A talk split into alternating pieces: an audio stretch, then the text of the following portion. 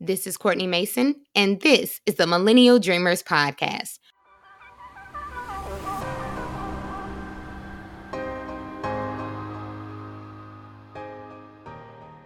Hey, friend, hey. I hope you are doing well.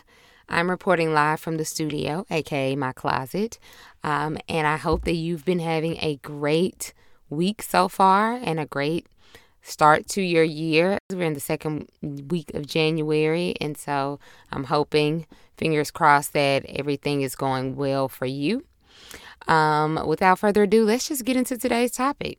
Last week, we discussed the theme for the year, which is radical self acceptance. And if you have not listened to that episode, I encourage you to go back and listen to it. And I explain why I chose that theme or this theme to kind of be the umbrella with which I kind of maneuver and it'll be my rubric to look back on the year and see if I really practice self acceptance.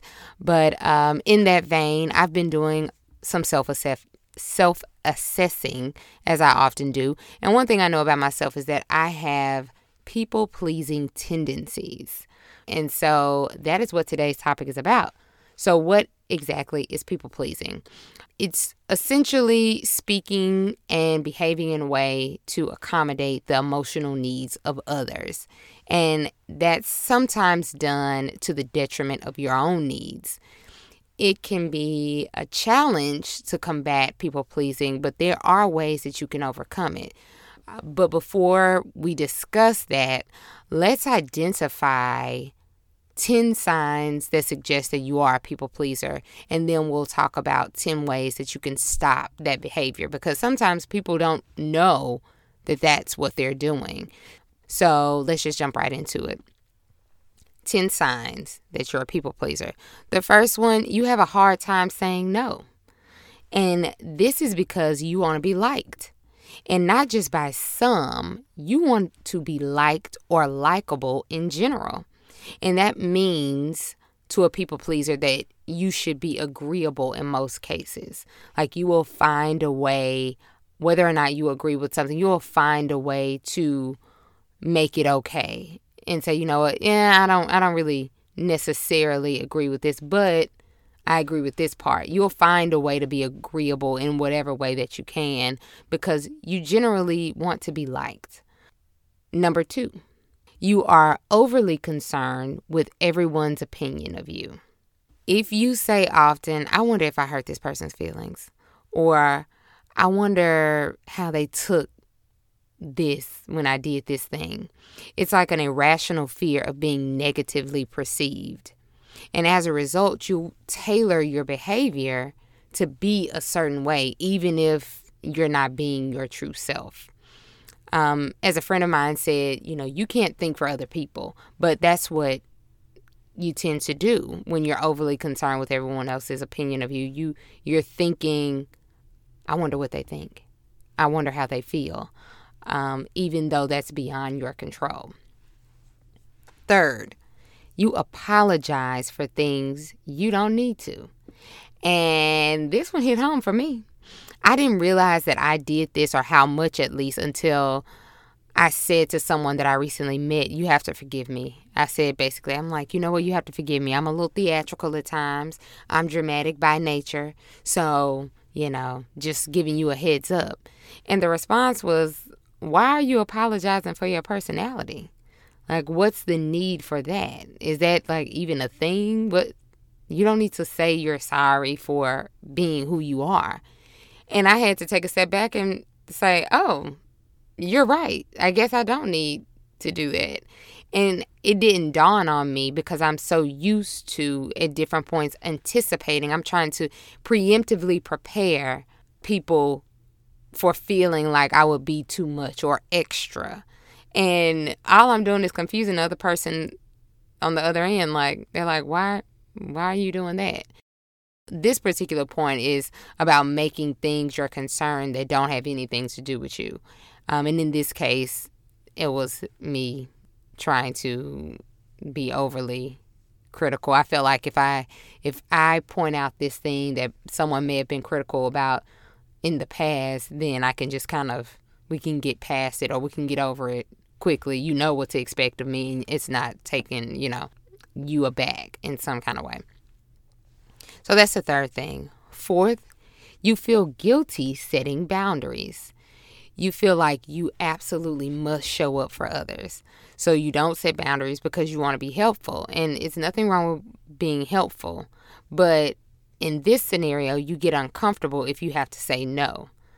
Maybe that's because in the past, your no or your boundary has been met with some sort of resistance or negativity.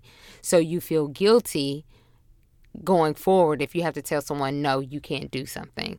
So you generally you'll offer an explanation um, or it'll you'll also apologize be like no i'm so sorry i can't do that because da da da da da.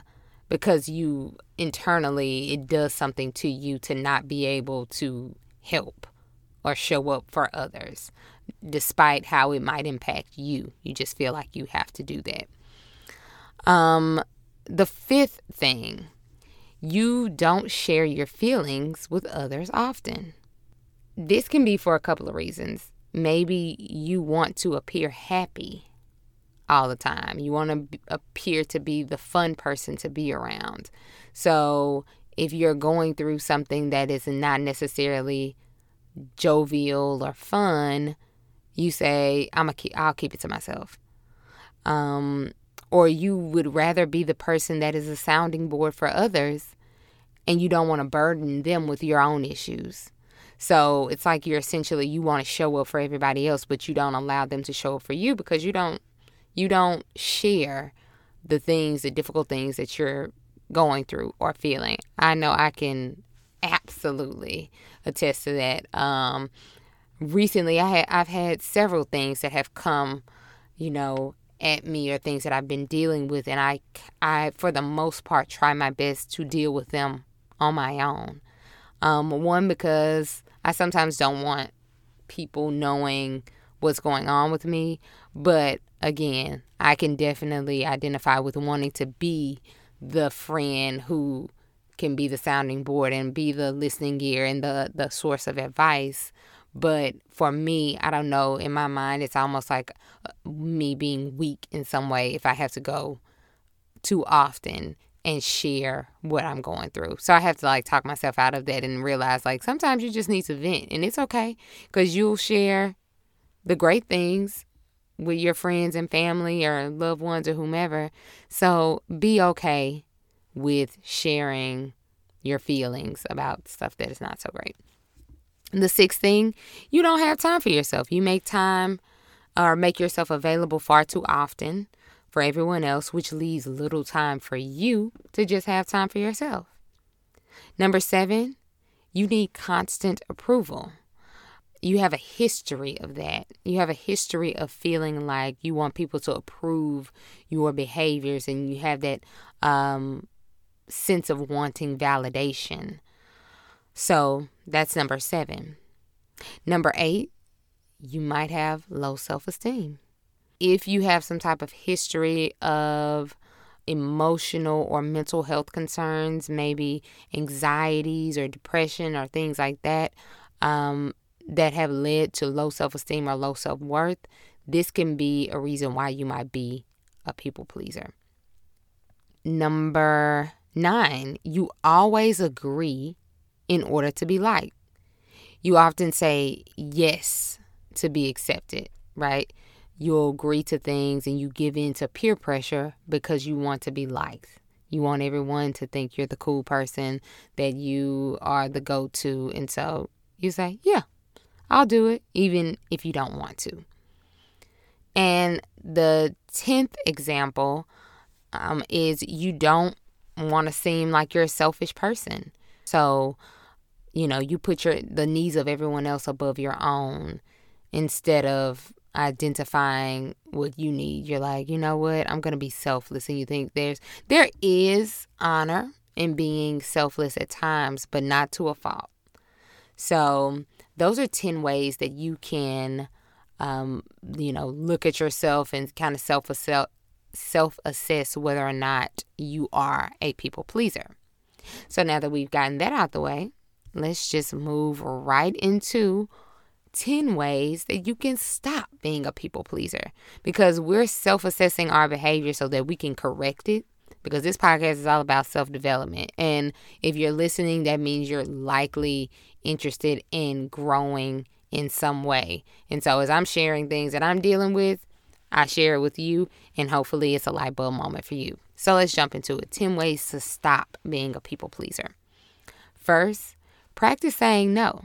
Maybe you need to stand in front of the mirror and just say no. See how it feels in your body. Are you triggered in any way by saying no? What does it feel like? What goes through your mind when you just say no? Like you're practicing saying it to yourself.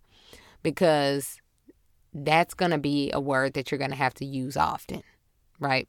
So practice saying no and see how it makes you feel. Number two, allow yourself time to make a decision. For people pleasers um, and people in general, you'll be asked to do certain things. And if someone asks something of you, depending on what it is, try delaying giving a response like immediately or like right off the bat. Sometimes our knee jerk reaction is to just say, Oh, okay, yeah, I can do that if someone asks you to do something or if they ask you for something. But sometimes taking a little time to stall and giving yourself room to consider what the request is and whether or not you really want to do it is the best thing you can do for yourself because it gives you an opportunity to weigh your options. And if you really don't want to do it, then say it and don't participate in it. So you want to allow yourself time to make decisions. The third thing, stop apologizing for your no.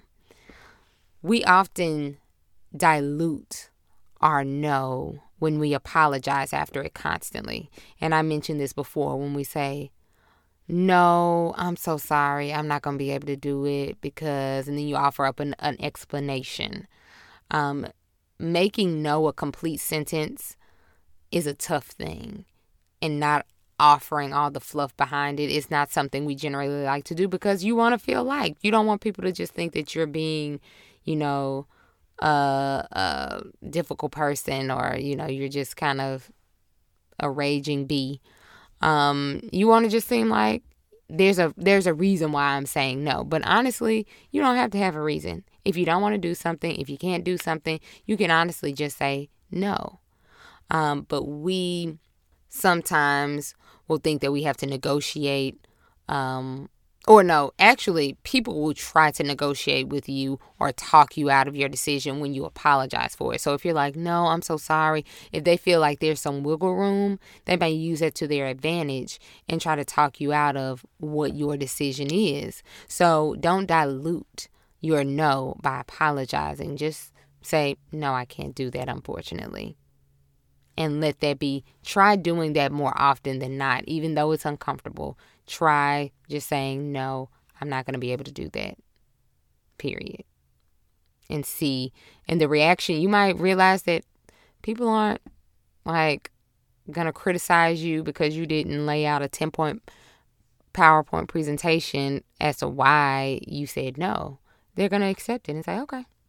Nine times out of 10. Moving on, number four, Make time for yourself. We schedule everything else in our lives. Our work calendars are filled with meetings that we have. Our social calendars may be filled with link ups that we have with friends. Um, but we sometimes don't prioritize the other aspects of our lives, like making alone time for ourselves, putting that on the calendar, saying on Saturday, I will be here spending time with myself, whatever it is. For me, I can say on Saturdays, I enjoy getting out of the house because I work from home. I enjoy getting out of the house, going to a coffee shop, reading a book, um, or going somewhere, just being outside. I like things like that just as downtime, not to be doing things all the time, but just to be quiet and be still. Um, I may just go somewhere and sit and people watch. It doesn't matter, but I'm I'm not being influenced by other people's thoughts and comments and you know having conversations. I'm just it's just me and my thoughts, and you need to have time for that. So allow your time, uh, allow yourself time to be to yourself um, and focus on your needs rather than everyone else's. The fifth thing, you want to set boundaries. It's important that we set limits and share those limits with people around us. Um, if the people in your life respect you, they will be happy to honor your boundaries because we need more of that. We need more um, intentional boundary setting so that we know people know how to show up in our lives. Um, you can't just do anything and have access to me, right? There are certain boundaries that you shouldn't cross. There are certain things that you cannot do. And so when we make, we set those limits and we make them known, people are going to, you know, we teach people how to treat us. So we have to make sure that we're doing that. Six, take stock of how people respond to those boundaries. Um, if you are in a place where you actually set the boundaries and you make them known, um, if there's someone that doesn't accept or respect your decision, then make a mental note of that so that you know how to deal with that person because that's a person's response to your boundary is an indicator that they may be used to being able to take advantage or manipulate you in a particular relationship. So just be conscious of how people respond to your boundaries. That's a good way to stop being a people pleaser because you know how to deal with certain people based on how they react. Number seven, consider your priorities. What do you want to prioritize? What is important to you in your life right now? Is it spending time um, with your kids? Is it spending more time with family? Is it eating better, making wellness a major part of your life so you're not eating out as much? You're trying to prepare more food, more meals, and different things, being conscious of what you put in your body because you want to feel your best. What are your priorities? And ask yourself if what you're being asked to do undermines those priorities. And if so, you need to reconsider. Number eight, do some self work. Like I always say, I like to self assess myself often. Um, and it's important that we turn inward and figure out where these people pleasing tendencies come from, which is why I say, you know, I'm like, I can recognize that within myself. So I need to kind of look like, what is it, Courtney, that makes you? Do you feel unworthy? Do you feel um, you know, self conscious? What makes you, what gives you that pause when it comes to not being a people, not, not giving in to people pleasing tendencies, right? So, um, if there's some wounds after you've looked inwardly, you may want to say, okay, this is some some old trauma that I need to deal with, or there's a poor experience I've had with a loved one. I need to evaluate that and see how I can, you know, use that to correct this behavior. Number nine, consider the source of the request. Um, it's important that we know and we're mindful of who is asking something of us and how that person could support us. Um, if this is someone who is always supportive of you and they're in a crisis, it's okay to be a good friend, but don't feel like you have to just show up all the time for people um, in ways that you aren't comfortable with. And if you've noticed a pattern out of certain people that they habitually take advantage of you, then that's something to consider as well. And number 10, the 10th reason or way to stop being a, a people pleaser is to talk to a therapist. Um, consider finding a professional, an expert who can help you unpack some of those things that I mentioned before and get to the root of it, and then maybe put a plan of action in place so that you can, you know, seriously combat the issue. Sometimes it's not as easy as just doing the work on our own. Sometimes we need reinforcement. And our friends, while and family, while they love us, they aren't equipped all the time to help us in the ways that we need. So a therapist is a key way that we can get to our highest selves and, and be able to set boundaries and, and um, live the life that we want to live. So Um, those are 10 ways that you can identify the behavior, and there are 10 ways that we can learn to stop the behavior that is unwanted. And um, in this case, that is people pleasing. I hope that is helpful. I hope that you know, if you're listening and you identified and you can say, like, okay, yeah, I see that within myself, then you also take some time to maybe sit with it and figure out how you can be better. Because we just want to live our best lives in the new year. So, um, thank you so much for listening. I appreciate it. And until next time, friend, peace.